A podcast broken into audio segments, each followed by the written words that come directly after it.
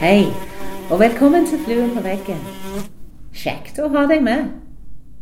Har du lest Apostelens gjerninger, kapittel 9, fra vers 32 til 43, så er du klar til å høre på Jonas.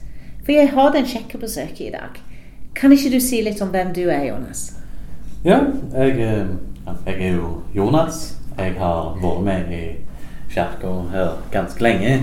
Drevet med konfirmantarbeid, har vært med i søndagsskolen. Ja, og eh, nå mer nylig så er jeg jo med i eh, Dronningataugen. Utenom det så driver jeg med ting på, på fritida. Med korps og teater og ditten og datten her og der. Men nå er jeg her. Ja, og det er jeg glad for.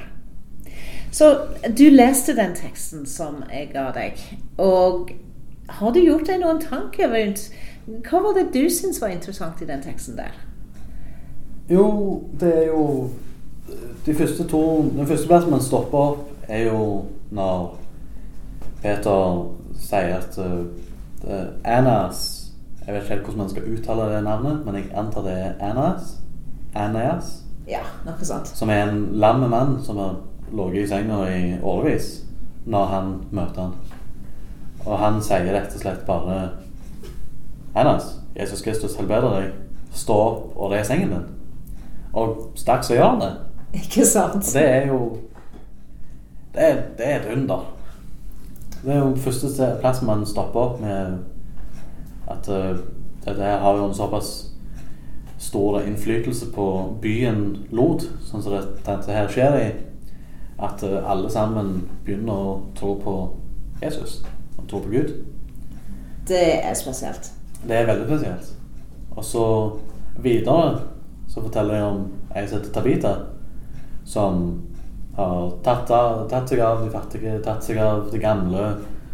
Og så blir hun sjøl syk, og dessverre dør. Ja.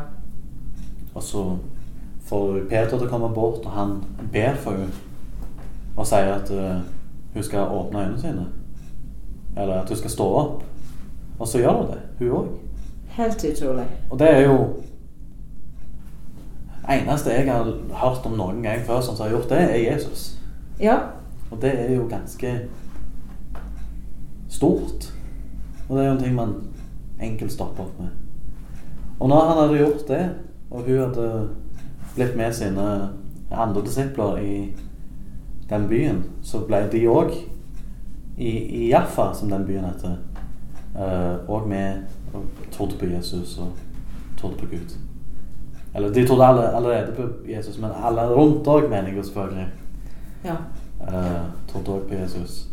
Og det er jo Det er stort. Da har man innflytelse. Absolutt. Absolutt. Men for oss i dag, hva tenker du at vi kan lære fra den fortellingen?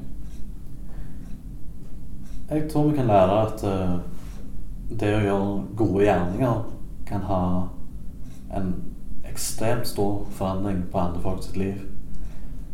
Nå er det ikke akkurat ofte vi kan få lamme folk til å gå igjen, eller få noen som nylig har dødd, til å stå opp for de døde. Nei. Men vi kan iallfall gjøre noe som er stort innenfor vår egen krets. Vi kan hjelpe de fattige. Vi Ja. kan se folk som er i nød, om de så er i familie, eller om de er bare en person på gata, så kan vi tilby den hjelpen de trenger. Ja. Det er lite som skal gjøres, men det er stort å gjøre. Det- Ja. Og folk rundt, de ser. Mm. Tusen takk for fine refleksjoner i dag, Jonas.